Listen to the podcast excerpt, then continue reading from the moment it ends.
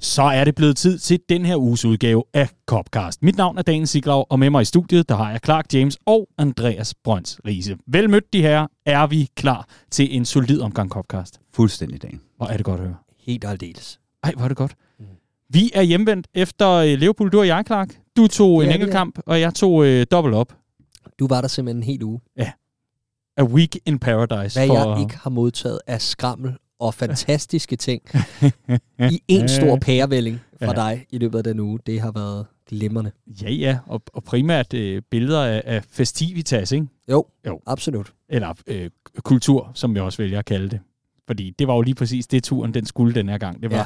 masser af kultur. Og alkoholkultur er også en slags kultur. Lige præcis. Jeg vil sige sådan, jeg havde et par idéer til, hvad jeg kunne lave derovre, og havde fået mange gode bud ind, og... Øh, og så var der simpelthen bare det, der kom et par nordjyder i vejen. Så uanset hvad, hvad jeg havde sat mig for, nu er det i dag, jeg skal på det her museum, så kom der primært bare et, et par koordinater om næste vandhul, vi skulle hen og besøge. Så det gjorde jeg, og havde en øh, fantastisk uge i godt selskab. Og fredag kom der så en øh, rejsemarker over, Jakob fra Køge, formanden vi har dernede. Og øh, så blev det jo bare endnu vildere og endnu bedre. Så det har været en skøn uge. Tak, nu hvor du spurgte. Og øh, jeg er simpelthen så klar til at tale om de kampe, jeg kan huske.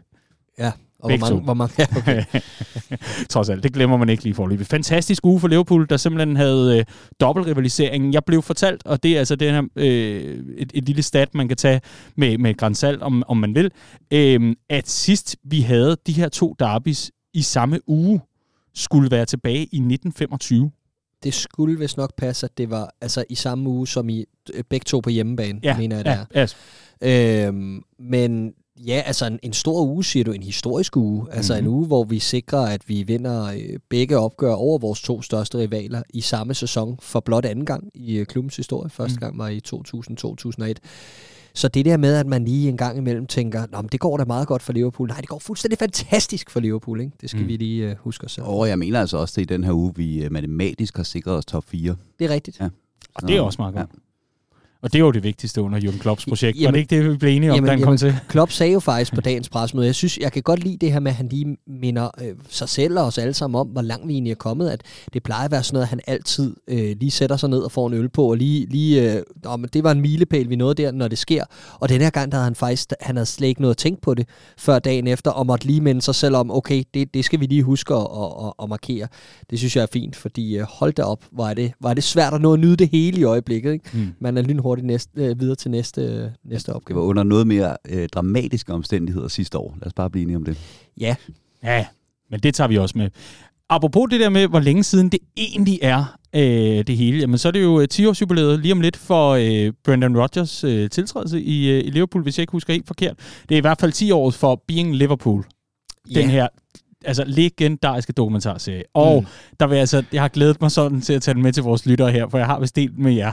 Øh, det er simpelthen, øh, og ikke at det er et særligt spændende medie overhovedet, men Daily Mail har talt med den tidligere Liverpool-keeper Brad Jones, som kunne fortælle om den her ikoniske scene for Being Liverpool, hvor Brendan Rodgers, han kopierer, hvis, jeg ved ikke om det er Alex Ferguson eller hvem pokker det er, men et trick med tre konvolutter, hvor der skulle ligge tre navne på spillere, der skulle skuffe i sæsonen, når den kom her. Og som, det, han, det, som han vidste ville let ja, him down. Ja, lige præcis. Det var sådan, mm. det var. Det og så sådan, slutter han af med at sige, make sure it's not your name in that envelope. Ja. Hvilket giver nul mening. og det er simpelthen helt perfekt. Fordi Daily Mail har så heddet fat i Brad Jones, der kan fortælle, at Brendan Rodgers konvoluttrick, som der er tale om her, det faldt fuldstændig til jorden blandt mange spillere, og man talte meget hurtigt om det, fordi han øh, holdt de her tre konvolutter op mod lyset, og alle kunne se, at der absolut intet var i de konvolutter. Men altså for helvede, Brendan. Ikke? Jeg, jeg synes, det er sjovt, at, at Brendan bliver ved at være sådan lidt, øh, og, og prøv at, vi må ikke tage noget for Brendan Rodgers. Han var god mod dyr og gjorde sit bedste. Han var bare ikke bedre. Men jeg synes bare, det er sjovt, at hans navn bliver ved at dukke op, også som sådan lidt, lidt sådan en, en, en, en, en drillenæse hos Jürgen Klopp. Hørte I interviewet med, med Klopp og Jamie Carragher her op til, øh, op til Derby? Nej der siger øh, Klopp også, øh, fordi han skal, han skal fortælle om, om hele rejsen i, i, i Liverpool-tiden og sådan noget, så fortæller han om det her moment, da Vincent Kompany jo banker øh, mesterskabet hjem til City for 30 meter. Det er jo mod Rodgers øh, mm, Leicester, mm, hvor han siger, mm. ah, jeg sad og så kampen, siger han så også, kan ikke lade være at grine, da han skal genfortælle, så siger han, Jamen, altså, og jeg sad bare og tænkte, Madison er, er hammerne træt, og ganske rigtigt, så støder kompagni op gennem banen, lige der, hvor Madison skulle have mm. dækket ham, og jeg sad og sagde, Brendan, skift ham nu ud. og det, er, det mindede mig så meget om, om da han fortalte om Nui Sahin, da han var på lån i Liverpool, og brokkede sig over, at Brendan Rodgers ikke kunne finde ud af at spille ham på den rigtige position, og ah, det er bare... Åh, og hver gang han gør det, så stiger hans husleje, ikke? Nå, men den er han vist kommet ud af, den twist der i Hvor er det perfekt. Det her, det er Copcast. Det er Redman Families ugenlige podcast, hvor vi ser tilbage på ugen, der gik med Liverpool FC. Og det har vi egentlig gjort i et godt stykke tid. Tidligere, der har vi, øh, og det er efterhånden også snart til 10 års jubilæum, det tror jeg til næste år, at øh, vi kan runde de 10 på, på den front i forhold til, at det var første gang, vi satte os ned med SingStar-mikrofoner og iPhone øh, 3 diktafon og så videre. Fantastisk, fantastiske tider. Men øh, det er altså også 10 år. Det er så i år. Det er andet af næste år. Men det er også 10 år for, øh, at du, Clark, mhm. startede en, øh, en Facebook-side med et sindssygt mundret navn. Ja, det er det. Det var det faktisk øh, helt præcist i lørdags. Mm. Tillykke. Den 23. april. Tak skal du have, Dan. Øh, og vi mødte jo hinanden øh, op til der. Mm. Øh, vi fejrede jo faktisk, hvis det ikke skal være helt løgn, så fejrede vi jo 10 års øh, jubilæum for vores møde den weekend, hvor Liverpool skulle spille Carabao Cup finale. Og yes. der kan jeg huske, at jeg spurgte dig 14 dage forinden, øh, vil du ikke med ud og have en øl der på fredag og lige øh, markere det? Nej, det gad du ikke.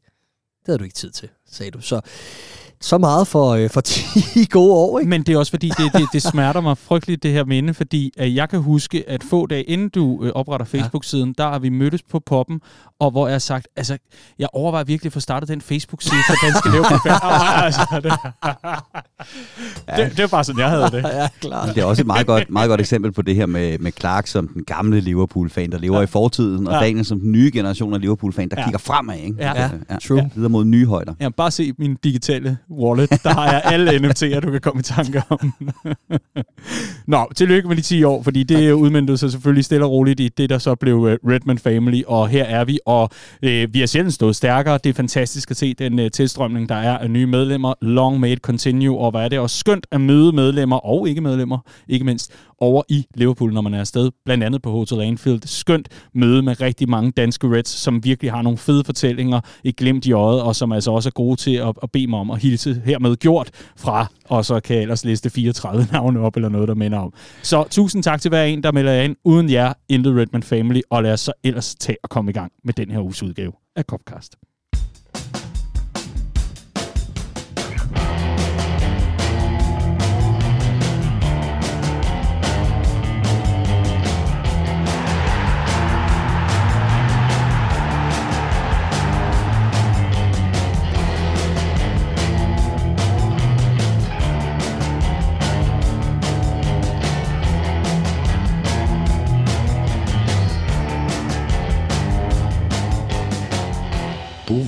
Og boom, sagde det på Anfield, da Liverpool tog imod Manchester United for præcis en uge siden. Og det gjorde de altså i et opgør, hvor jeg tror, de fleste havde forventninger om, at øh, vi måske kunne få en øh, gentagelse af efterårets opgør på Old Trafford. Og jeg skal ellers love for, at vi hurtigt fik lagt grundbasen til noget, der kunne minde om en 4-0-sejr, som vi selvfølgelig dissekerer her i Copcast. Men inden vi gør det, så lad os da lige øh, spille et klip fra netop Anfield på dagen, og netop lige spille det klip, hvor vi blandt andet viser, hvorfor Liverpool-fans bare er en helt fantastisk størrelse. Det kom selvfølgelig i kølvandet på den her tragiske historie om Cristiano Ronaldo, der mistede den ene af de to nyfødte tvillinger i forbindelse med fødslen, og det var altså noget, man markerede på Anfield, da det syvende minut var rundet. You'll never walk alone on the back of it for Cristiano Ronaldo. Respectful class.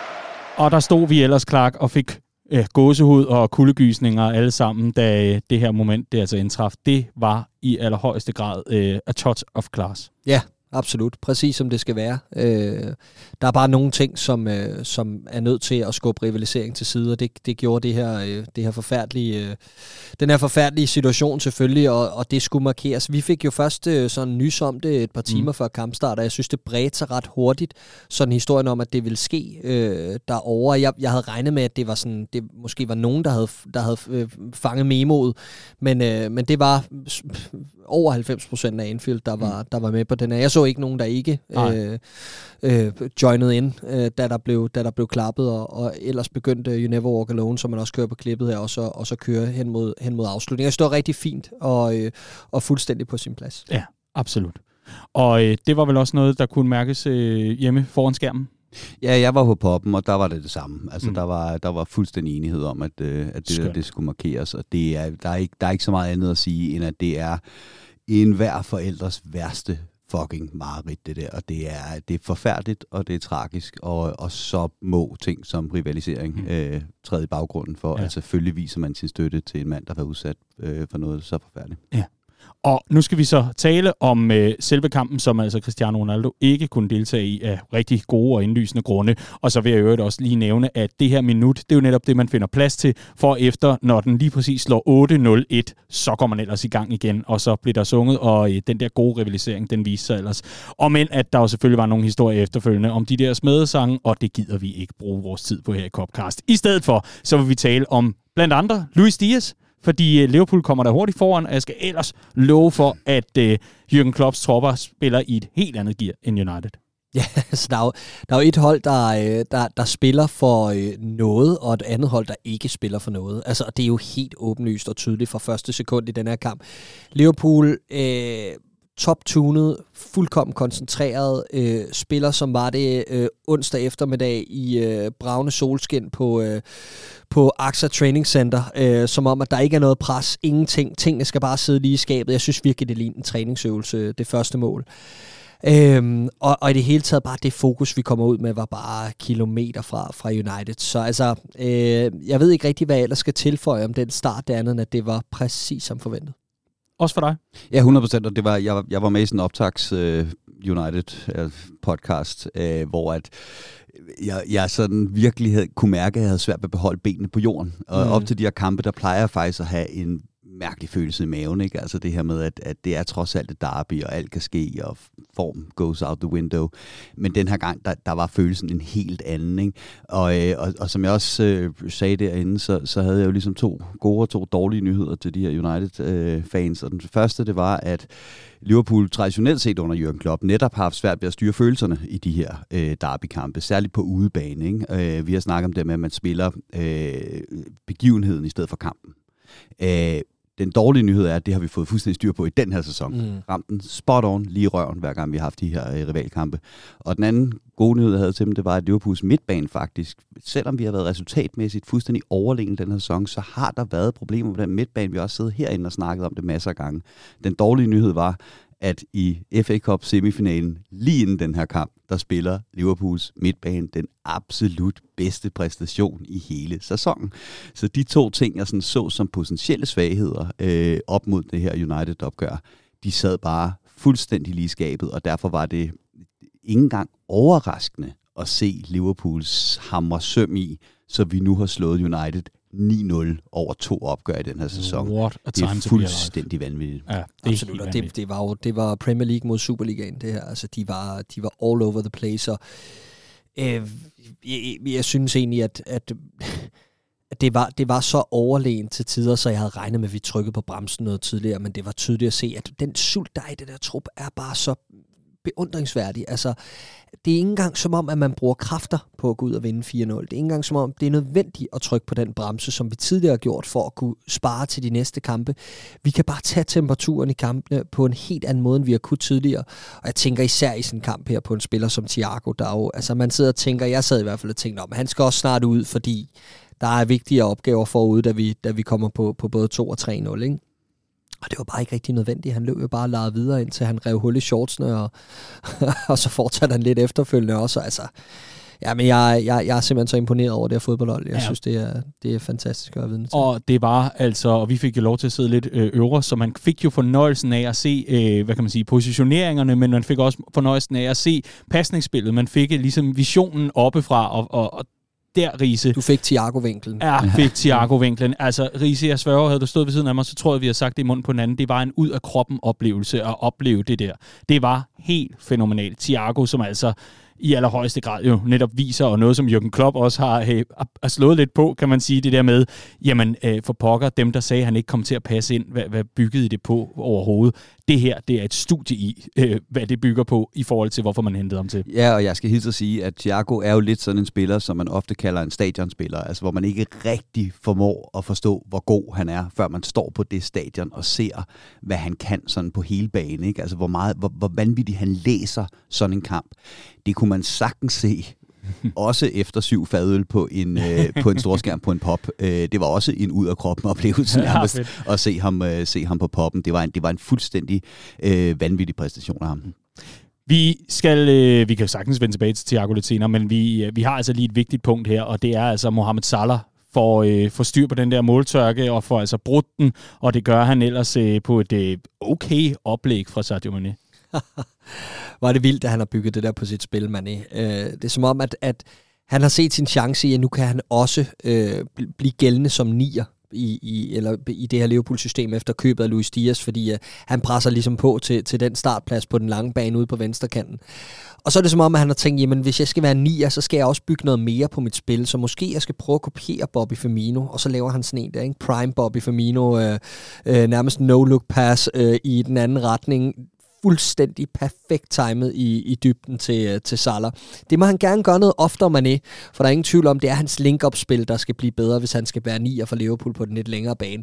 Øh, men i den her kamp var han fænomenal igen, og jeg synes virkelig, at han er god i øjeblikket, og det her opspil var jo bare...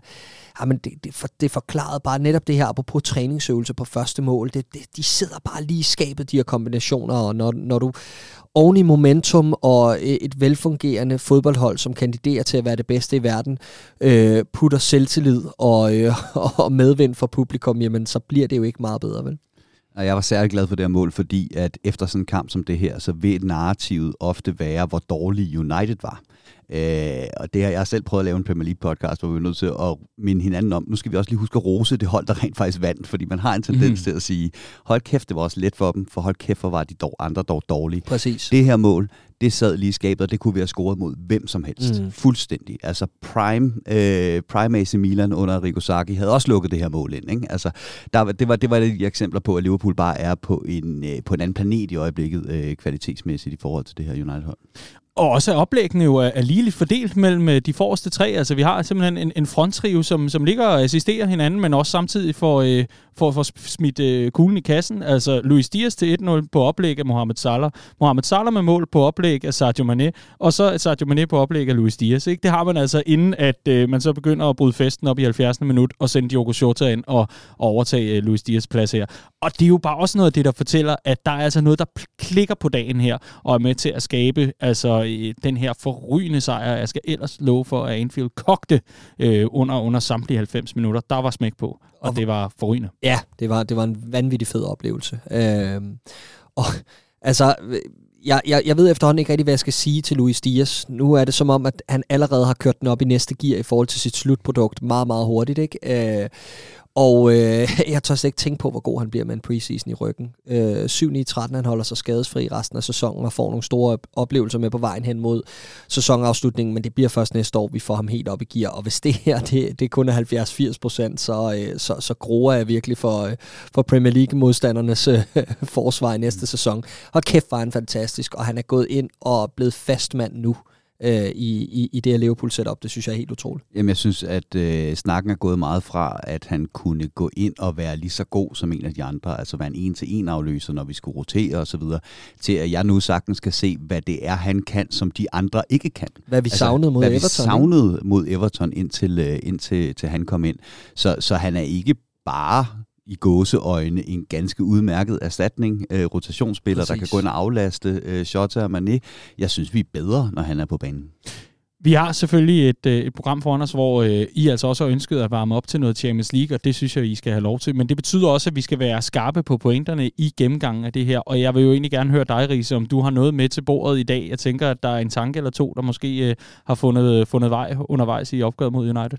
Nej, ikke andet end det netop var det her med, at det her det var bare et sindssygt godt øh, Liverpool-hold, der i stedet for at gå ind og spille mod ideen United, øh, spille rivalopgøret, så bare gik ind og spillede mod et, øh, et hold i frit fald, i sindssygt dårlig form form, bare gik ind og satte, øh, satte kniven ind og viste, at vi var et, et sindssygt meget øh, bedre hold, og igen, sindssygt, at man ikke er overrasket over det. Ja, helt sikkert. Øh, ja, den eneste pointe, jeg har her til sidst, er egentlig, at hvor er det godt, man ikke er Manchester United. Altså, hvor er det dog skønt, at man som Liverpool-fan aldrig har været i den situation, hvor at man har oplevet så lav moral på sit Liverpool-hold op mod ærgerivalerne. Hold kæft, hvor må det være smertefuldt. Det var ikke fordi Pogba lignede en, der var ked af at kunne klippe de sidste 80 minutter, da han trissede ud efter 10, Nej, Hold kæft, hvor ville jeg være sur, hvis jeg var United-fan. Ja, men om det er det, jeg mener, det er jo hele indstillingen, det er hele opsætningen til det her opgør. Altså, men når vi har været aller værst, så har vi trods alt ja, ja. budt øh, ærgerivalerne op til dans, lokalrivalerne op til dans i de her opgør. Det har været de opgør, vi har levet for i dårlige sæsoner. Tænk at få det der på bagkant af en så dårlig sæson som fan fuldkommen til grin.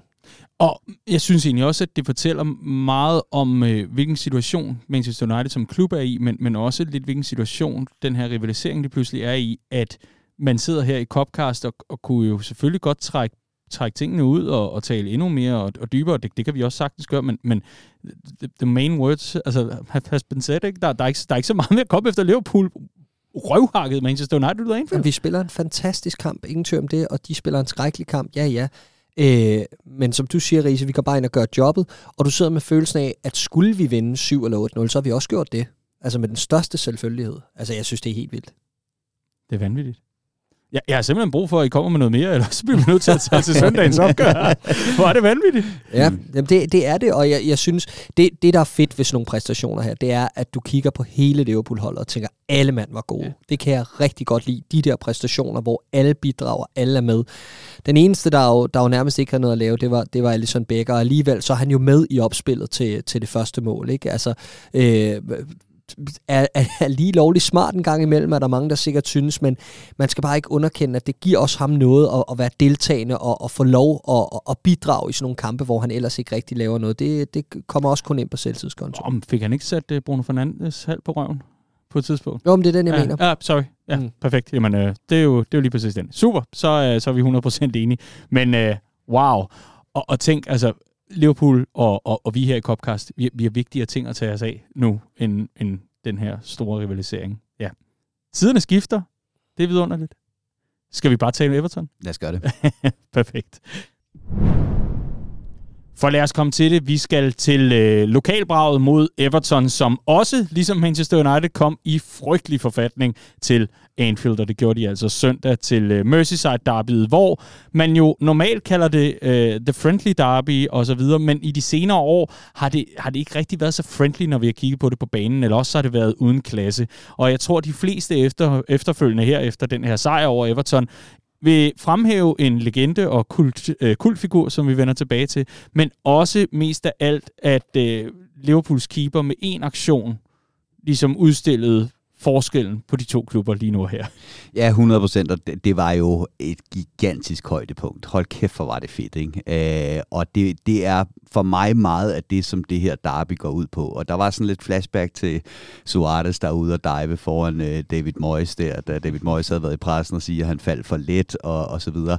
Og det er ligesom det, som det derby skal være. Og du har nemlig helt ret i, at, at det er The Friendly Derby. Og det betyder ikke, at der ikke er syngende taklinger. Det betyder ikke, at der ikke er fuld knald på, og man virkelig går til stålet i de der 90 minutter, også på lægterne. Men bagefter skal man ligesom ud og se hinanden i øjnene igen, og der er familier i Liverpool, hvor der er en, der er Liverpool-fan, en, der er Everton-fan, og det er det, der er essensen af Friendly Derby. Det handler ikke om etniske, sociale, whatever skæld, politiske skæld. Det er et rent sportslig rivalisering øh, inden for en by, som skal kunne kigge hinanden i øjnene øh, efter de 90 minutter. Og det, der er jeg helt enig i, at det vi har set fra Everton de sidste gange, også i, den her, i, i det her opgør, det er bare ikke det, jeg, for, jeg forbinder med The Friendly Derby. Øhm, og det er let at sige, når man er ovenpå, og man ikke øh, holder med det hold, der er fuldstændig opløsning og er ved at rykke ned. Men hold kæft, hvor jeg synes, det var fedt, at Allison med den ene aktion viste forskellen på, hvad det er, Everton gik ind til den her kamp med, og hvad det var, Liverpool gik ind til den her kamp med. Og det er jo det, jeg også rigtig godt kunne tænke mig at starte hos dig, Riese, med, i forhold til at forstå opgøret lidt, fordi jeg synes jo, set fra min plads til opgøret her, hvor jeg i øvrigt fik prøvet safe standing, det kan vi øh, tale om lidt senere, hvis det er Men øh, det, det, jeg synes også var lidt interessant, det var, at Everton, og nu bliver det måske lidt mere nørdet spilmæssigt, jeg synes, Everton de lykkedes med alt, hvad de var kommet til Anfield med, i, for, i forbindelse med at gøre kampen både scrammy og, og eh, scruffy, og hvad, hvad, man, hvad man ellers kalder det. Altså, at, at det var en grim kamp, at det var en kamp på deres præmisser, at man fik eh, slået Liverpool fuldstændig ned ved at stille en 9-10 mand ned og, og lave det her dybe, dybe forsvarsspil, som øh, altså betød, at, at Liverpool måtte øh, køre bolden hurtigt rundt, men det var Liverpool bare ikke indstillet på i første halvleg. Så, og når man så omvendt vender den om, trækker tiden ud, bruger i hvert fald en 20 sekunder på at lave sin modspark, kører de samme modspark ned i området omkring Matip og, øh, og, og Trent Alexander-Arnold, håber på en nedfaldsbold og så videre, starter forfra, jamen så går der jo bare hurtigt 45 minutter plus moms, inden at, at, at der kan ske noget, og der skete bare ikke noget. Og derfor så var det en enormt frustrerende første halvleg. Jeg er helt enig, øhm, og jeg synes også, de gjorde det øh, rigtig godt i første halvleg Everton i forhold til at, øh, at få ødelagt kampen, som de naturligvis kom efter at, at gøre. Øh, sindssygt disciplineret defensiv indsats. Det havde jeg ikke regnet med, at de kunne holde øh, samfulde 45 minutter. Jeg synes, der plejer at være fejl i det her Everton-hold. Hold kæft, det var der ikke den her gang. Alting, alle markeringer sad lige skabet. Folk fulgte deres mand. De formår så også netop gennem øh, alle de her antics at komme ind i hovedet på Liverpool. Det er der ikke nogen grund til at, at, at, at, at lægge skjul på. Altså det her, det blev en kamp, hvor Liverpool, øh, det lykkedes Everton at frustrere Liverpool til ikke at kunne spille deres eget spil. Det jeg så synes, der var, øh, der var forskellen her, det var, øh, at jeg ret hurtigt i anden halvleg, jeg tror efter en 20 minutter eller sådan noget, der tænkte jeg, okay, det lykkedes mig at smadre første halvleg. Jeg var med på, at den her den ville stå 0-0 ved pausen. Jeg var til gengæld ikke i tvivl om, at når Liverpool fik en pause, og Jürgen Klopp ligesom kunne komme ud og sige, træk vejret, spil fodbold i et bedre hold, så ville Liverpool også kunne snappe ud af den her lidt ærgerlige sindstilstand, som holdet var i første halvleg. Mens jeg har set spillere som Richarlison og Pickford tabe den her kamp så mange gange, fordi de også kommer ind i hovedet på sig selv, så at sige. De laver ikke sådan en uh, Diego Costa, hvor de kommer ind i hovedet på forsvarsspilleren, afgør kampen og så bare iskolde, fordi det var beregnende det her. De er bare emotionelt fucking preteens. Så ganske rigtigt, Richardson var jo ikke eksisterende i anden halvleg, indtil han gjorde sit bedste for at få et rødt kort, og Pickford begynder at flagre rundt, som jeg ved ikke hvad øh, derinde. Så, så jeg, var helt, jeg var helt med på, at, at det var frustrerende, at de fik ødelagt den første halvleg. Men jeg havde faktisk relativt meget ro i maven omkring, at det der, det skulle Liverpool nok forvente efter en pause, mens at Everton ville selv destruere. Dine tanker selvfølgelig også, Clark? Øh, jamen, jeg er meget enig med jer to, øh, og især om første halvleg synes jeg egentlig, at Everton lykkes mig rigtig meget. Jeg er egentlig ret skuffet over, over vores første halvleg. Jeg synes, at man ret hurtigt kunne se, at vi for hurtigt går med på det der... Øh, det der fysiske og, og lidt unødvendige slagsmål, det ender med at blive i første halvleg. Øh, jeg synes, der er flere situationer, øh, selvfølgelig de her, de her situationer omkring øh, det gule kort til Dogoré, hvor der opstår slagsmål efterfølgende. Det, det skal vi simpelthen se os for kloge til. Øh, det er den ene ting. Den anden er også, at jeg synes, vi bliver lidt for fysiske i situationer, hvor det, det overhovedet ikke er nødvendigt. Der er en situation med Anthony Gordon før sit gule kort, der bliver skubbet i ryggen af Trent Alexander-Arnold. Synes, vi tog lidt for let på opgaven. Det var som om, vi havde undervurderet Anthony Gordons hurtighed helt mm. generelt. Det var jeg også skuffet over. Øh, fin spiller i øvrigt, når han ikke øh, ligger ned. Jeg synes, jeg så, at han havde været nede og ligge seks gange på de første 24 minutter. Det er helt ekstremt. Øh, og det, det, det, er jo egentlig, øh, det er egentlig meget overskriften for, for, for Evertons kamp. Det er, at øh, apropos det her med, med sådan, øh, det her med at være for meget i sin følelsesvold omkring sådan en kamp her, at Anthony Gordon efter den her kamp har været ude både på sin Instagram og sin Twitter og lægge forskellige klip op af, hvor frustrerende det er, at han ikke fik et straffespark, og var også i pressen efterfølgende og alt muligt andet. Kammerat, hvis du vil have en karriere i Premier League, så fokuser på, at du faktisk er en ganske udmærket spiller. Mm. Lad være at øh, ty til, øh, til sociale medier for alt det der. Men det er, det er også meget forskellen på de to hold, fordi vi kan også huske det fra dengang, vi var i modvinder, hvor det ikke gik godt, og hvor frustrerende det her var, når man fik dommerkendelser imod sig og alt muligt andet efterfølgende. Og det er, det er bare det er rart at stå på den anden side af hegnet, hvor vi spidser vores blyanter, gør vores arbejde selv på dage, hvor det ikke nødvendigvis fungerer. Ja, det der irriterede mig særligt i det første halvleg, det var, at jeg øh, så at sige ikke var overrasket over noget, der skete på banen, hverken positivt eller negativt. Og det skal forstås på den måde, at det vi, mål, vi ser mod United for eksempel, hvor man ikke skærer den ind, altså der er ikke nogen af os, der regner med, at det er den aflevering, der kommer. Hver eneste gang Liverpool lagde en aflevering, så er det præcis den aflevering, man regnede med. Der var intet overraskende i, øh, i Liverpools opspil. Og når tingene så gik galt, så sad jeg også med den der følelse af, vi er jo sindssygt god form, vi er et godt fodboldhold, alle vores spillere er fucking verdensklasse, men de har alle sammen nogle ting, som kan gå galt for dem en gang imellem, når de har en dårlig dag. Og det var bare alle sammen. Det var Trent, der overhovedet ikke var forberedt på øh, Gordons hurtighed af den der venstre kant. Når han så var på bolden, så blev det forseret både dødboldene og afleveringerne, og den kamp kan Trent godt have, når han øh, rammer en dårlig dag. Thiago, der har spillet vanvittigt på det seneste, og så forærer han fucking bolden til Richarlison til Evertons eneste rigtig farlige øh, kontraløb øh, i første halvleg, hvor Ducouré så heldigvis skal sprinte en, en halv banelængde, og derfor har en puls på 213, da han skal afslutte, og Allisons puls er 15. Øhm, og, og, og sådan var det bare med alle vores spillere, spillede på en eller anden måde den kamp, de spiller, når de har en dårlig dag. Ikke? Og det var der, hvor jeg sad og tænkte, åh oh, nej, det må bare ikke blive sådan en dag, fordi jeg, jeg var, altså kom on, det var ikke fordi Everton kom med noget særligt, men vi skulle bare undgå at spille den kamp, hvor alle vores spillere, altså hvor Salah han signalerer 14 timer i forvejen, hvilken dribling han vil lave, alle vores spillere. Van Dijk, der, der er mega arrogant i første halvleg og ved at give en stor chance væk osv. Det var, det var alle vores spillere, der havde den der kamp, vi helst ikke vil have, at, øh, at, at de har. Jeg synes i hvert fald, at den første halvleg og den anden halvleg, øh, den, den store forskel, ud over scoringerne selvfølgelig, men den helt store forskel er også i vores angrebsspil, at i anden halvleg, slutningen af første halvleg bliver det lidt bedre, men i anden halvleg er vi langt bedre til at komme ned i i enden af banen, altså ned til baglinjen, eller mållinjen, om man vil. Der er øh, forskellige meninger om, hvad man kalder den. Men den her baglinje, eller i hvert fald den bagerste del af banen, der synes jeg, Mikulenko havde alt mulighed for at få skærmet Salah af i første halvleg. Og over på den anden bak, jamen der var der heller ikke noget at komme efter. Intet overlap for øh, Andy Robertson nærmest. Det kunne man ikke øh, overhovedet finde nogen, nogen steder fra. Og det betyder også bare, at så bliver det netop den her hurtige bue, eller banan, om man vil, af bolden, der bliver cirkuleret lidt rundt. Et håb om, at en hurtig stikning ind i feltet kan blive til en afslutning, og det bliver så passet lidt mere ud. Hvis man så ser på målene i anden halvleg, så ser vi lige præcis, hvad der sker, når vi begynder at kombinere og komme ned i bunden af banen, og så få strukket de her, hvad kan man sige, defensive krumtapper, som, øh, som øh, Frank Lampard havde fået sat helt rigtigt op på banen. Ja, men, men der men, er også andre ting. Ja, men der skulle et systemskifte til, fordi jeg, sy- jeg synes egentlig ikke, at vi kommer særlig godt ud til anden halvleg. Jeg ved godt, at mm. øh, du, du siger det her med Klopp og, og, og halftime speech og alt det her, øh, men jeg synes ikke, det er rigtig lod til at have haft nogen virkning den her gang. Vi mm. kommer ud, og jeg synes faktisk, vi var endnu mere troet i det første kvarter i anden halvleg, end, end vi var i første, og, og der begyndte jeg at tænke, der er noget, der er noget galt her. Altså, vi, vi, vi skal passe på nu, at vi ikke render ind i kniven. Øh, fordi han blev bare ved at løbe om hjørner med at score den ud på den kant der, og, øh, og, og der kommer det her problematiske moment og, om, omkring den her 50-50-kendelse, som nemt kunne have været et straffespark øh, mod øh, Joel Matip, da han, da han ender med at, at, at ryge ryggen på Gordon, der træder ind foran ham.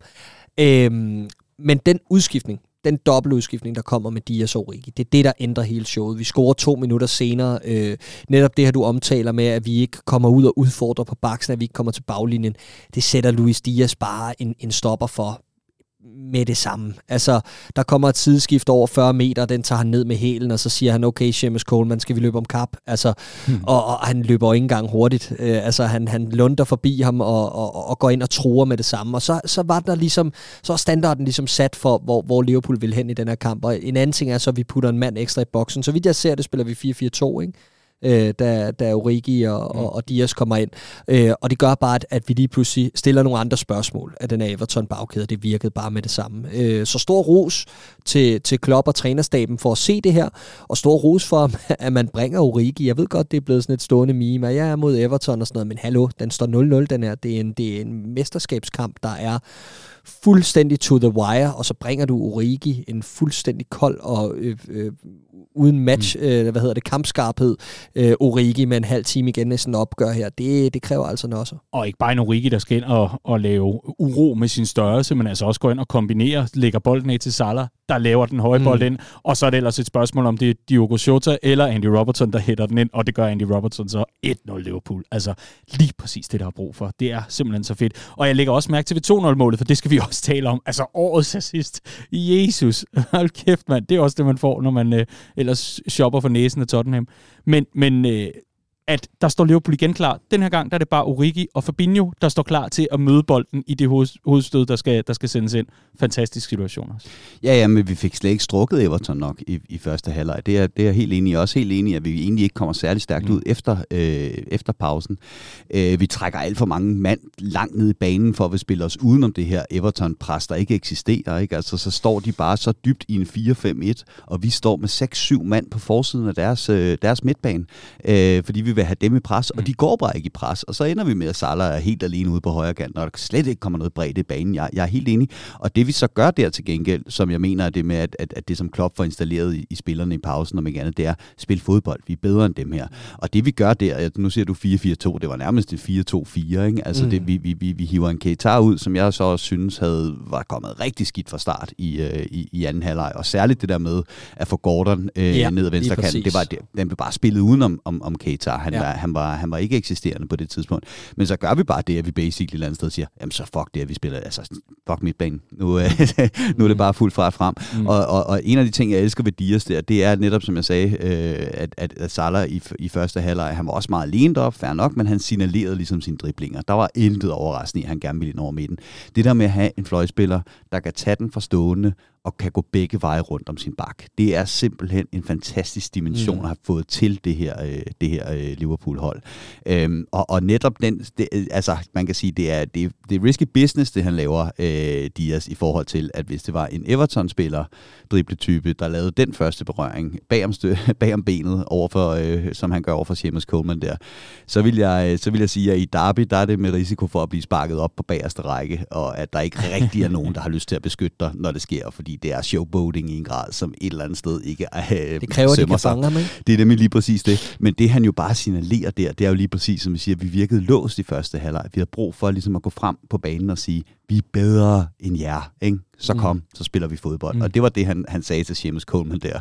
Og jeg skal love for, at han havde en lang anden halvleg. Mm samme kombination i forhold til, som jeg også lige var inde på før, altså den her bold, der bliver, bliver sendt ind, og, øh, og så er spørgsmålet så bare, hvem der kommer først her. Der er det jo så via Dias, altså akrobatik, at, øh, at den bliver slået ind mod Divock Origi, og vi kommer til Origi øh, lige om lidt. Men det kommer altså også efter Jordan Henderson en hop, som jo bare er, er helt perfekt i, i forbindelse med, at det er jo ham, der sender den høje bold over mod Dias, og ser muligheden for igen at få strukket bare en lille smule ud af, af, af Evertons, og få sikret øh, Evertons bagkæde, og få sikret den her føring yderligere. Det er jo bare vidunderligt lad os tale om Divock Origi. Altså, det er jo formentlig hans sidste Merseyside derby. Ja, det er det. Det er det. Og hvilken måde at afslutte svanesang. Ja. ja. Jamen, øh, ja. Men jeg ved ikke rigtig, hvad jeg skal sige. Øh, legendarisk. Ja, og, og igen, det, det værste er, at man, man ikke var overrasket. Ikke? Han scorer altid mod Everton. Hvad er det, hans 6. Øh, ja, femte 6. Mod, øh, mod Everton. Ikke? Jeg tror, det er hans 6. jo. Jeg mener, det er en 6. og så sådan en, en, en, statistik. Det er nærmest kun Ian Ross, der har scoret flere mod, mod Everton, end det var Kuriki har. Det er jo helt vildt, ikke? Øh, og det var, jo, det, var jo, det var jo genialt, og man, øh, man, man vidste jo nærmest, at, at den ville komme, ikke? Og, og selvom jeg jo er en af dem, som på alle måder synes, det er fair nok, at han, øh, at han smutter, og ikke mener, at han har niveauet til, øh, til, til Liverpool, så var jeg heller ikke på nogen som helst måde utilfreds med, at han blev smidt ind, fordi jeg vidste, at, at det her det er en modstander, som, øh, som han bare har krammet på på en eller anden måde. Og det, og det var hans 6. mål, ja. Han har ja. lavet dobbelt så mange mod Everton, som mod øh, dem, han har lavet næstflest mod. Ja, præcis. Sådan. Præcis. Jeg skal ellers også lige sige, at Anfield heller ikke var skuffet over Origi. Han, øh, han smed opvarmningstrøjen og, og, og kom ind til, til det her derby. Tværtimod, der fik den lige det sidste gear i forhold til, hvad, hvad, hvad, hvad, hvad der skulle til for at forsikre den her sejr. Og det er også, selvfølgelig skal han have den her, fordi han skal have en ordentlig afsked. Ikke? Altså det er igen, jeg er fint tilfreds med et eller andet sted, at øh, Origi han smutter til sommer. Øh, og jeg kunne godt lide, at Jürgen Klopp bagefter var ude og sige, at han var den bedste afslutter i truppen. Og gud han røv, fordi så spillede han hver gang. Ikke? Altså det, det, det, det er Shota, der er det. Ikke? Øh, men, men, øh, men selvfølgelig skulle han ind og have den her afsked, at det skulle ikke bare æbbe ud på en eller anden måde øh, for ham, vel? Altså, det, det, det er helt genialt, og, øh, og det er jo en mand, vi kommer til at, at synge om, og tale om, og, og huske med al kærlighed i, i verden øh, fremadrettet. Og igen, fordi han er en kul figur, men ikke en kul figur på den der øh, Istvan Kosma, øh, øh, Milan Jovanovic måde, hvor han bare var et fucking køleskab og en mongol, der ikke kunne spille fodbold, og derfor kunne man godt lidt lide ham alligevel. Øh, det, han har jo budt ind med store, store, store momenter Kæmpe, det her historiske øh, momenter. Og igen, det er ikke nemt, det han gør. Altså, der findes masser af, af, af spillere, som ikke kan komme ind fra bænken, ikke kan være der. Det er med maksimal pres på. Det er også det, der gør ham så interessant. Ikke? Han kan det der med at komme ind. Vi, er, vi jagter et mesterskab. Vi har ikke rigtig kunne åbne op for rivalerne. Øh, der er maksimal pres på, når man bliver sendt til opvarmning der, hvor han bliver. Og Altså, det kan du ikke se på ham, og selvfølgelig scorer han det mål. En af de største for de store momenter i, i moderne tid, og jeg har set ham flere steder blive, uh, blive, blive sammenlignet med David Fairclough, uh, den mest ja, ja, legendariske supersop i sin tid. Ikke? Og han er jo det her holds bedste bud på, på lige præcis den spiller. Jeg kommer til at savne ham helt vildt, men jeg er også helt enig i, at det er, den helt, uh, det, er det helt rette tidspunkt uh, at, at tage afsked med Origi. Jeg synes bare, at det har været det har været den X, en, en del af den X-faktor, det har hold har haft, at have sådan en spiller som ham i periferien. Ikke? Og jeg synes på mange måder, det opsummerer Klopps styrker som, som menneskekender, som fodboldtræner. Det her med, at, at han, han formår at, at få det her frem i en spiller som Origi. Ikke? Fordi det havde du ikke set Origi bidrage med til noget som helst andet tophold i verden. Nej, formentlig Nej, nej. Det vil, det vil jeg godt gå med på. Det vil jeg rigtig godt gå med på. Det jeg også vil gå med på, det er, at Liverpool altså fik, øh, fik fanget Manchester City, som øh, fik øh, sendt sig selv afsted med øh, jamen, øh, en angriber med fire basser øh, dagen inden. Og, øh, og nu har man altså i talende stund i Premier League stadig det her berømte point imellem sig. Og nu er det jo bare den sidste slutspurt i forhold til, hvem er det, der eventuelt måtte jogge i spinaten, og hvad betyder det, og hvordan må det dog ende. Og øh, håbet er jo selvfølgelig, at vi ikke får den der berømte gentagelse af 18-19 sæsonen, men at vi tværtimod den her gang måske kan lukrere lidt på, at andre de snubler. Det vil da være en øh, kærkommen og tiltrængt øh, forandring i hvert fald. Men øh, gutter, medmindre der er andet for nu, så, øh, så synes jeg egentlig, og det er ikke live-lyd, jeg har været nede og optage nede ved øh, Albert Dock og, og omegn, men øh, så synes jeg faktisk, at det er ved at være tid til øh, Bella og Birdie.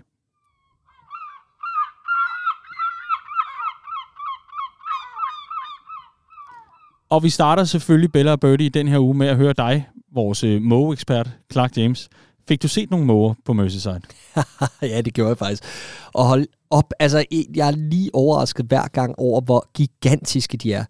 Øh, jeg læser mig til, at de største måger faktisk kan have et vingefang på øh, omkring 1,7 meter, og jeg vil påstå, at jeg så den måge. Flere gange faktisk. ja, og, og du var der også rundt og dokumentere det. Ja, ja, ja, det var jeg. I, uh, min... har, du, har du tjekket kamerarullen og set, hvor mange billeder der er af måger? Ja, der er en del. Jeg vil sige, uh, i min syvhestes brænder, der var jeg rundt uh, nede ved Liverpool One og, og, og prøver at fodre måger og også lige få en selfie meget tæt på. Det skal man passe på med. En Mofi. Ja, en Mofi. Men uh, du, du uh, måtte så nøjes med en, uh, en Matipfi. Ja, Ja, det er rigtigt. Fantastisk situation, hvor du i øvrigt i minutterne inden også render rundt og, og filmer og, og tager billeder, og jeg ved ikke hvad af måger, og så siger du, nå, Daniel, skal vi have den øl? Ja, det bliver vi jo nok nødt til, Clark, nu hvor I skal afsted mod lufthavnen lige om lidt. Og så går du ind for at bestille den og finder ud af, at du har glemt din telefon, og det er der, dit kreditkort er på. Og så går du tilbage og tager din telefon ud af den her powerbank, og hvad sker der så? Og bag dig kommer den højeste mand i Liverpool gående, Joel Matip. Hold kæft, hvor han stor. Ja. Kæmpe mand. Øh, og så måtte jeg lige løbe over som sådan en fanboy og høre, om jeg måtte få et billede. Så det var sådan lidt i farten. Ja, Men, øh, ja. ja det var fantastisk. Fantastisk. Og, øh, og også godt, at du fik dine mågebilleder. Det, øh, det er jeg rigtig glad for. Ja. Det er jeg rigtig, rigtig glad for. Det skal ikke kun handle om måger, det skal selvfølgelig også øh, have lov til at, øh, at handle om, øh, om Liverpool. Og i øh, den forbindelse, der skal jeg selvfølgelig åbne med øh, birdies, og kan du finde noget, Riese, og være utilfreds med, så, øh, så lad det komme her. Æh, ja, det kan man, det kan man godt, og øh, det er selvfølgelig den oplagte, som er den her første halvleg øh, imod, øh, imod Everton. Æh, og jeg tror, at det var Søren Kierkegaard, der sagde, at man aldrig skal diskutere med idioter, for de trækker dig ned på deres niveau, og så slår de dig på erfaringen. Og det var øh, det, var det som, øh, som Everton lykkedes med at gøre i, i den første halvleg. Vidunderligt citat. Og en god birdie i øvrigt. Clark? Jeg har ingen. Okay. Nå, men øh, så vil jeg tage den, som jeg troede, du ville tage, Riese. Og det er, at øh, der lige nu er forlydende om, at øh, Liverpools øh, trøjsponsor, Standard Chartered, skal udskiftes med... Øh, et kryptofirma! Ja, Crypto.com, ikke, som er sådan et, ja. en portal, hvor man kan handle med de her øh, herlige kryptovalutaer. Ikke? Og øh, som man siger, ja, så mangler vi bare Visit Narnia på ærmet, så er der, øh, så er der fuld plade. Visit Dødstjernen. Fantastisk. Vi skal selvfølgelig også øh, høre fra øh, nogle lyttere. Og der har vi, lad os se her, Der er faktisk øh, forholdsvis få og så videre. Øh, men Mikkel Jacobi Thomsen, han siger, Birdie Manchester City, de skal snart til at spille en dårlig kamp. Jeg overgår igen en sæson, hvor de slutter flot af og vinder ligaen med et point. Det kan vi ikke være helt utilfredse med. Øh, det kan vi ikke være uenige i, hedder det. Godmorgen. Birdie, så skriver Jonas Bæk, der er ikke noget negativt. Drømmen om fire trofæer lever stadig. Hurra! Meld i Redman Family, hvis I ikke har endnu. Suveræn. Øh, Frederik øh, Elsborg Kok går rundt med en, en, en lille angst lige nu. Frygten, jeg går rundt med, for at der ikke kommer flere trofæer i år. Og så i parentes, hvilket der selvfølgelig gør. nervøs. Emoji, smiley, yes. Og så har vi øh, sidst, men ikke mindst Jimmy Vorskov, som altså var over til kampen, og også har fået taget øh, et par fine billeder af netop øh, Royal Lever Building, hvor øh, de her to berømte, ikke Moore, men Liver Birds, står ovenpå. Han siger, Birdie, vi skulle have givet Everton en ordentlig røvfuld. Og ja, det kan man jo også kun være enig i. Nu skal vi til det smukke. Vi skal til Bellager, og dem har vi rigtig mange af også fra lytterne. Så lad os komme i gang på den front. Rise, hvad har du stjålet fra Clark i den her uge? Øh, jamen, jeg har faktisk gjort mig umage for at finde noget, som jeg ikke tror, Clark har, og også som jeg ikke tror, at nogle af lytterne har, fordi de oplagte øh, er meget oplagte i den her uge, øh, synes jeg. Så jeg, har, jeg har tænkt lidt ud af boksen, og så, øh, så har jeg taget den, at øh, det engelske parlament oh, i øh, går øh, anbefalede at gøre de her 10 anbefalinger som det der fan-led review omkring fodboldens fremtid på, øh, på regulatorisk niveau, kom frem til i november til noget, man gerne vil arbejde videre med. Og det vil sige større regulering i fodbold, i forhold til, hvem der kan eje fodboldklubber, i forhold til pengestrømmene i fodboldklubber, og så videre, og så videre. Og det er 10 ganske udmærkede anbefalinger, som jeg i den grad mener vil gøre en stor forskel for at redde det her øh, spil, som vi alle sammen elsker, og som er ved at aflive sig selv fuldstændig.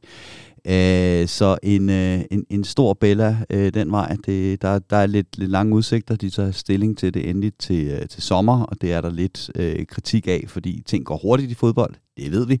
Så mange ting kan nå at ændre sig. Dagsordenen kan nå at ændre sig rigtig mange gange, så jeg så gerne, at det skete i morgen, i stedet for øh, om nogle måneder.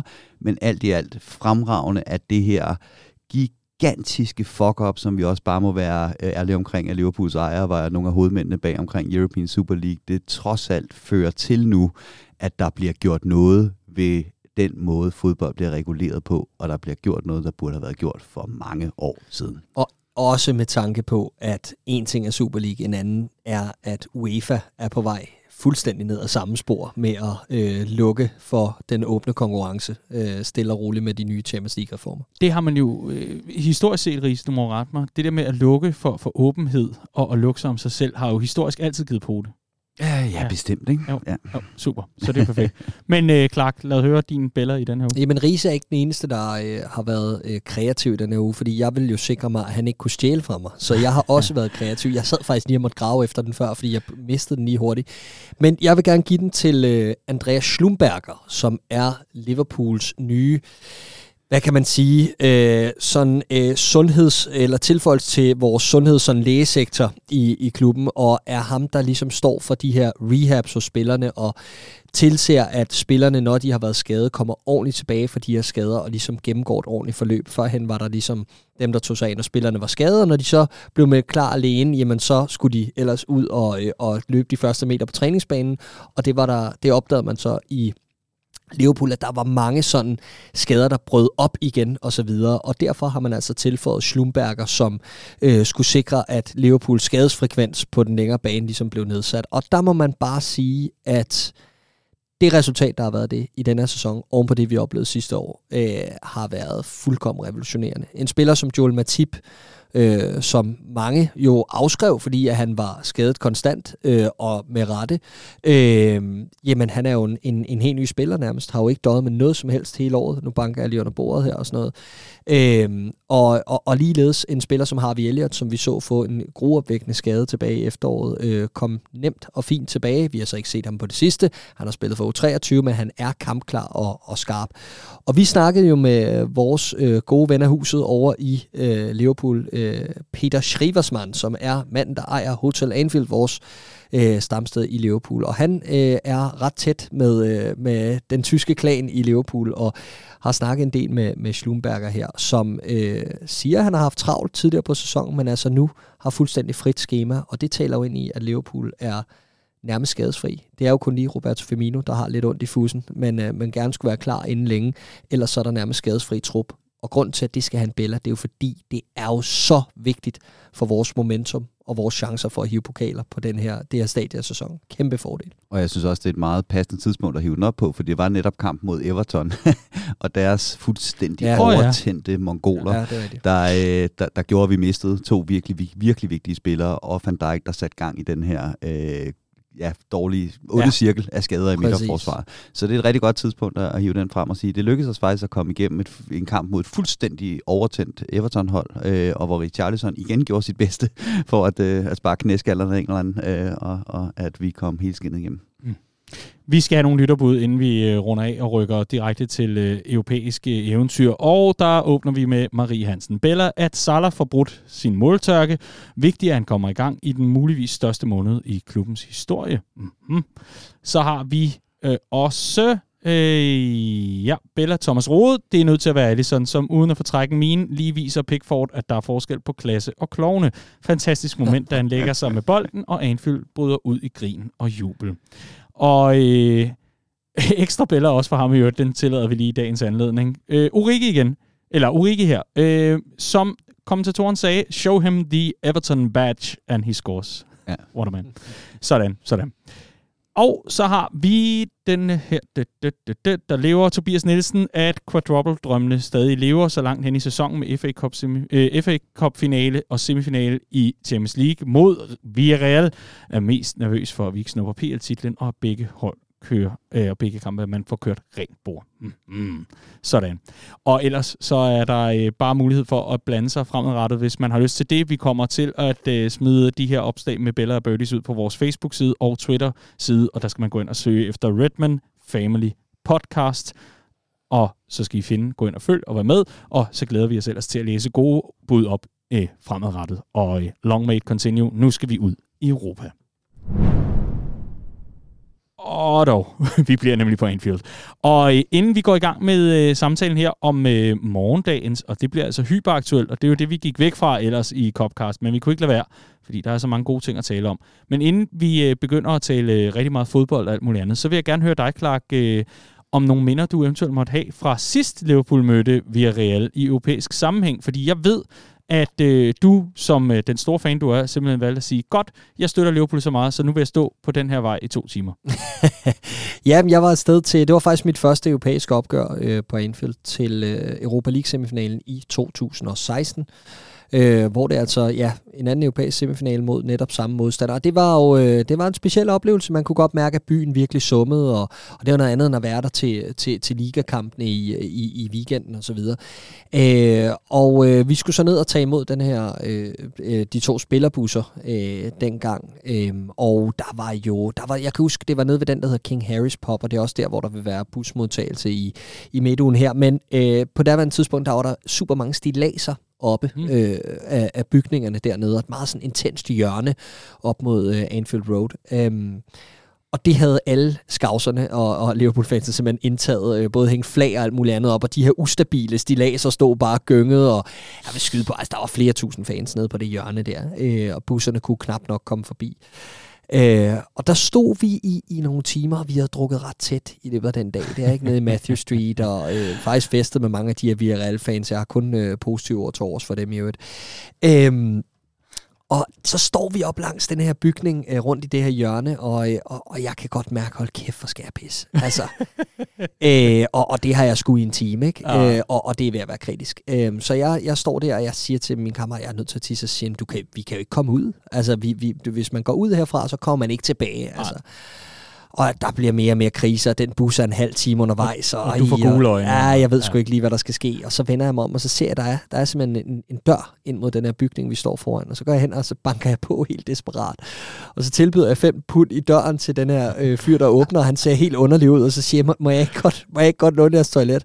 Og det måtte jeg så godt. Så jeg vader ind i den her, den her lejlighed, hvor der står en mountainbike i stuen, og en hund op i sofaen, og en far i, øh, i sin wifebeater derinde i sofaen med tv'et center, en, en datter, der sidder over i lænestolen, totalt under et scenarie, og egentlig, egentlig bare meget almindeligt scenarie. Jeg tror bare, det var et helt andet scenarie, end det, der foregik uden for døren, og det var jeg ikke lige klar på. Så hoppede jeg ellers på toilettet op ud igen, og så vandt Liverpool 3-0, så alt var godt. Ah, perfekt. Og familien, de fik finansieret sommerferien. Alle de skavser, der skulle låne det løb. formentlig, formentlig. fantastisk, fantastisk. Nå, men har du så udpeget en bygning den her gang, hvor du skal få ret din nødtøft? Nej, men det, det bliver jo sådan ret, øh, det, det bliver jo sådan lidt nostalgisk, det er jeg helt overbevist om. Øh, jeg kan se, at vejrudsigten siger meget det samme. Øh, Forårssol over Liverpool, og her seks år senere har jeg faktisk en af de samme rejsemarker med for den gang. Ham har jeg ikke været afsted med siden sådan øh, mm. koordineret på den måde, så det, det bliver lidt sjovt. Øhm, og, øh, og jeg har så set, at den her boss greeting, det har jo været sådan lidt rundt omkring de sidste mange år. Men det er faktisk på samme sted i år, og det har jeg ikke været til siden øh, samme sted. Så det bliver super specielt. Det eneste, der er til forskel den her gang, er, det bliver jo ikke afgjort øh, onsdag aften. Det er, det er jo første opgør, så det bliver også... Det bliver også interessant og på en anden måde motiverende at skulle tage et, et resultat med øh, hjem fra, fra Anfield, som skal bruges igen om nu. Mm. Og lad os da så komme til det, for vi skal selvfølgelig tale fodbolden, og, og tak for historien, Clark. Ja, selv tak. øhm, vi skal nemlig tale om, øh, om Liverpool mod Villarreal, og i den forbindelse, så vil jeg gerne høre dig, Riese. Er man en lille smule for overmodig, hvis man er meget optimistisk inden det opgør? Øh, både og. Øh, jeg synes ikke, der er nogen tvivl om, at Liverpool er favorit, og det synes jeg heller ikke, der er noget problem i at sige højt, at selvfølgelig er øh, Liverpool det. Og selvfølgelig er det en drømmelodtrækning. Det synes jeg også godt, man på alle måder kan, øh, kan indrømme, at det er, der har vi skulle for en gang skilt øh, været heldige. Øhm, men når det så er sagt, så er der også en grund til, at Villarreal står der, hvor de nu engang gør i den her øh, Champions League semifinal.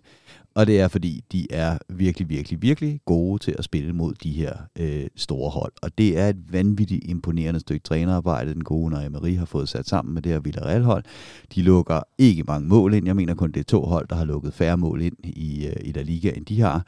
Og hvis man kigger på de spillere, de har, så er det jo sådan et, øh, det, det er jo sådan et, et All-Stars Dream Team Premier League 2017 flops. Altså det er Chen Capoe, øh, det er Coquelin, det er vores egen Alberto Moreno, det er øh, Sergio Aurier.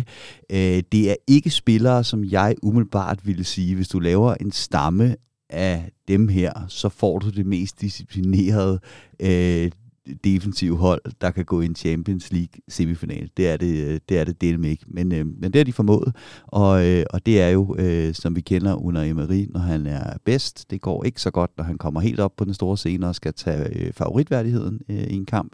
Men, øh, men vi har også mødt hans, øh, hans Sevilla-hold før, hvor at, øh, jeg godt kan huske, hvordan det gik. Clark, øh, tror du, at du får en, øh, en good evening på, øh, på Anfield? Øh, ja, det tror jeg på. Øh, det, er, det er svært at være øh, meget uenig i det, Riese siger, for vi er klare favoritter til det her opgør, og ja, vi har været heldige i, i det her års Champions League. Vi har også forfulgt heldet, og vi har øh, et eller andet sted fået øh, valuta for at være super modige i gruppespillet. Øh, det synes jeg er totalt fortjent, øh, når jeg kigger tilbage på og ser, hvordan vores sult var i denne her dødspulje, hvor vi bare, øh, altså vi, vi slipper slet ikke foden for speederen på noget tidspunkt, og brager bare seks sejre afsted som det første engelske hold nogensinde, så synes jeg, det er fedt, at vi går ud og, øh, og får noget valuta for det i øh, forårets lodtrækninger.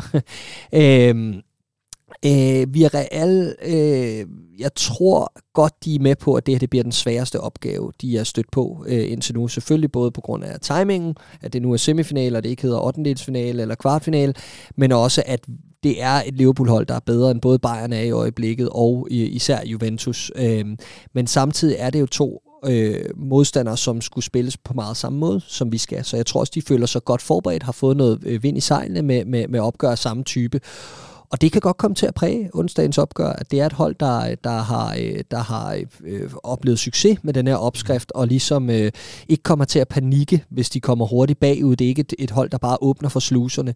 Øh, så som Klopp sagde på, på, på pressemødet herop til kampen, der vil være passager i kampen, hvor, det, hvor vi vil, vil være in trouble, eller altså hvor der mm. vil være modvind. Og det kan man jo tolke, som man vil. Der kommer ikke til at være lange passager i kampen, hvor vi reelt kommer til at sidde på spillet eller bombardere os. Det er ikke det, han mener, men han mener måske, at der vil være passager, hvor det bliver frustrerende, og øh, hvor vi måske ikke skaber så meget, som vi gerne ville. Jeg tror, der er mange, der sidder og forventer, at vi tager dem 4-5-0, øh, og, og, og så har vi et godt udgangspunkt og kan spare lidt om en uge. Det forventer jeg slet ikke. Øh, kan vi slå dem med, med, med to mål, så synes jeg, det er, en, det er et rigtig godt udgangspunkt. Og Riese, hvordan undgår vi så, at vi får en, øh, en genudsendelse af søndagens øh, første halvleg mod Everton, forstået på den måde, at øh, Liverpool ikke får, øh, får, får, får styr på det offensive spil i, i forhold til at etablere og være det mest boldbesiddende hold, og være det hold, der klart, øh, hvad kan man sige, har, øh, har mest ansvar på skuldrene? Jamen, jeg tror, vi får en gentagelse forstået på den måde, at vi havde svært ved at strække spillet mod Everton. Vi havde svært for, ved at få vores backs rigtig øh, sat i scene. Øh, og det var, fordi Everton gik så dybt ned med deres fløjspillere, som, øh, som de gjorde, og det gør Villarreal også i deres øh, 4-4-2. Øh, så vi skal finde på øh, noget nyt, når nu vi ikke kan bruge vores backs på den måde, som vi ofte har held med at gøre i, øh, i, i Premier League, hvor fløjspillerne ofte er en, er en lidt anden type. Øh, så, så vi skal have gang i noget spil ned gennem midten. Øhm, og derfor bliver de helt afgørende, det, øh, det bliver, øh, at vores øh, mand på toppen, øh, om det bliver Mané, om det bliver øh, Jota, eller det bliver Firmino, jeg regner med, det bliver øh, Mané, øh, at han rammer den kamp, han havde mod øh, United og ikke den kamp, han havde mod, øh, mod øh, Everton. Mm. Øh, og så skal vi have gang i, øh, i, i, i de her løb fra, øh, fra midtbanen. Ikke? Øh, jeg kan huske, da vi møder, øh, ikke, ikke sammenligneligt i øvrigt, men, men da vi møder Atletico Madrid over de her to opgør, der går vi ned i Madrid og bliver ved med at spille på ydersiden af deres to fire kæder, og kommer slet ikke, får slet ikke noget penetration ned gennem midten på nogen som helst måde. Øhm, og i anden kamp, der holder vi Salah helt ud bredt, og så beder vi bare Oxlade Chamberlain om at løbe i kanalen. Altså simpelthen bare løbe dybt fra midtbanen, fordi det er der, hvor vi er i overtal. Og det rev faktisk Atletico Madrid over i, i, i flere omgange. Så, så, så det, det, det, det er inde centralt, at, at vi skal vinde øh, den her kamp, og, og det, er, det, det er vigtigt, at vi viser, at vi også kan det, øh, og vi ikke kun er afhængige afhængige af, at vores øh, i øvrigt fantastiske baks øh, leverer øh, alt det kreative på det her hold. Ja, øh, enig, og så tror jeg en vigtig detalje er, at vi skal have Luis Diaz øh, med fra start, fordi det, det er ham, der skal, der skal skabe noget af den øh, uforudsigelighed, som jeg helt klart synes, vi mangler i øjeblikket, når Shota og Mané spiller sammen. Øh, jeg synes, at de begge to er blevet lidt for meget øh, poachers, øh, og det er ikke nødvendigvis en dårlig ting i mange andre aspekter af spillet, men vi mangler den link-up-spiller i øjeblikket, øh, eller øh, den spiller, som skaber noget af det der uforudsigelige, øh, og, og der synes jeg jo egentlig, at Luis Diaz har begge dele. Jeg synes, at han er koncentreret i sin boldomgang, øh, og jeg synes, han gør det fra en anden position, end vi er vant til. Det her med at, at binde spillet sammen, det plejer at komme ind for Bobby Firmino. Øh, men, men han har bare noget af det der, som vi får brug for, for at skabe de der 1-2 kombinationer på kanten af feltet, og samtidig den bevægelse, som, som gør, at de kan blive rykket ud af position øh, via Real. Hvis vi, øh, hvis vi ser på, øh, hvordan øh, Jürgen Klopp han altså skal, øh, skal starte, øh, og, og hvem han skal starte med, jamen, øh, så øh, er det jo lidt interessant, Clark, at øh, du jo gerne ser vores øh, anfører på ja. midtbanen. Ja, det gør jeg egentlig. Jeg, jeg synes, den er ret tæt mellem ham og Naby Keita, men jeg vil egentlig hellere have Keita fra bænken i, øh, i, i sådan en kamp her, for, for at rykke lidt på, øh, på, på det hele, hvis, hvis det står for stille. Jeg synes, Hendo har noget at bevise, og, og han skal også bringe noget af den disciplin, der bliver brug for, når der skal brydes den anden vej i sådan en kamp her. Der så vi bare Keita, som Andreas så fint var inde på, jeg er helt enig øh, omkring Anthony Gordon i, i, i weekenden, øh, åbne lidt for nemt op, og hvis vi skal have vores baks med op over midten, så må vi simpelthen ikke være i den her Bayern München Juventus-fælde med at lukke op for Danjuma og, og, og company ned i dybden, fordi de kommer til at straffe det øh, Villarreal.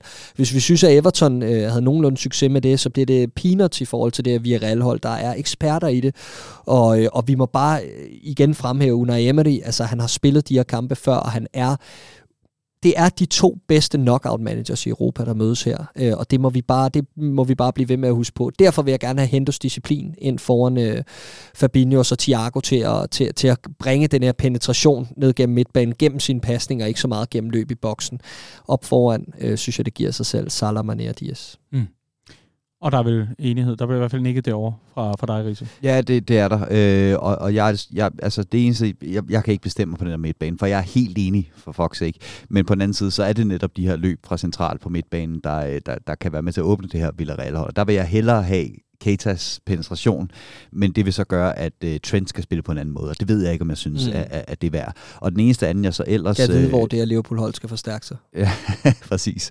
Øhm, og det eneste andet, jeg sådan er, er, er lidt i tvivl om, det er faktisk i virkeligheden nede i centerforsvaret, om, øh, om øh, netop, som Clark siger, du har to øh, øh, eksperter øh, til, øh, til at tage de her dueller i dybden og foran, øh, og de kommer til at spille to mod to med vores øh, centerbacks. Øh, det, mm, jeg synes ikke, det er Matips spil. Det jeg synes helt jeg enig. ikke, det er. Jeg synes, den er helt og jeg skræddersyet til synes, kunder at. Konaté øh, netop har vist, at det er det, øh, han for alvor kan. Mm. Øh, og jeg synes, han har stået på den store scene i Europa, og jeg synes, han har bestået den test indtil flere gange. Øh, så det vil ikke være for at droppe Matip, så at sige. Det vil være for at vælge Konatés specifikke styrker i forhold til den her specifikke kamp til, at jeg vil overveje at starte. Jeg er helt enig, og jeg, jeg tror meget vel, at med et flot udgangspunkt kan returen blive Matips kamp. Øh, fordi det handler jo om, at vi får det udgangspunkt, der lokker Villarreal frem, og så stikker vi kniven ind dernede. Øh, men men øh, helt enig, og jeg synes, vi så øh, tegningerne til, hvorfor at det her det ikke er Matips kamp i weekenden. Yep. Han var ikke dårlig mod Everton, men man kunne godt se, at øh, lidt stolpe ud i nogle af de øh, løbdueller der, så, øh, så, så får vi problemer. Og igen, Ja, men det er Everton på stiv yder, vi, vi møder øh, øh, onsdag aften. Der Men- er men- ikke straffespark i den situation, men var den blevet dømt, så var den ikke blevet omstykket. Jeg synes, den er 50 jeg, jeg synes, I er hård mod Matip. Altså, han har lige mødt Clark James i midtugen, altså skal man jo lige finde sine fødder igen, og så videre. Altså, det, det, det, det er det, der sker. Ja. Ja. Og, ja. Jeg vil egentlig øh, lade jer afslutte ballet i forhold til øh, den her øh, Champions League-snak, fordi øh, jeg, jeg synes jo, det er ganske glimrende pointer, men jeg tænker også, i og med, at I bragte den til bordet, så er det også jer, der får den hjem på de sidste pointer, der simpelthen bare må fyres af, inden vi lukker af.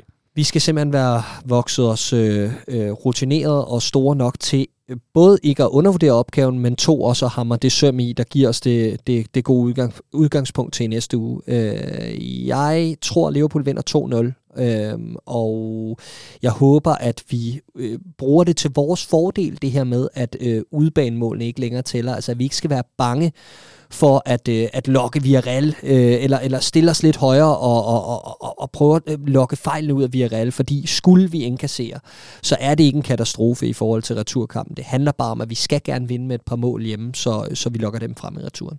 Helt enig også fordi, at øh, som jeg ser det, så øh, har kampprogrammet ikke været venligt ved os omkring de her to Villarreal-kampe. Forstå på den måde, vi har Spurs lige på den anden side af den, øh, af den anden.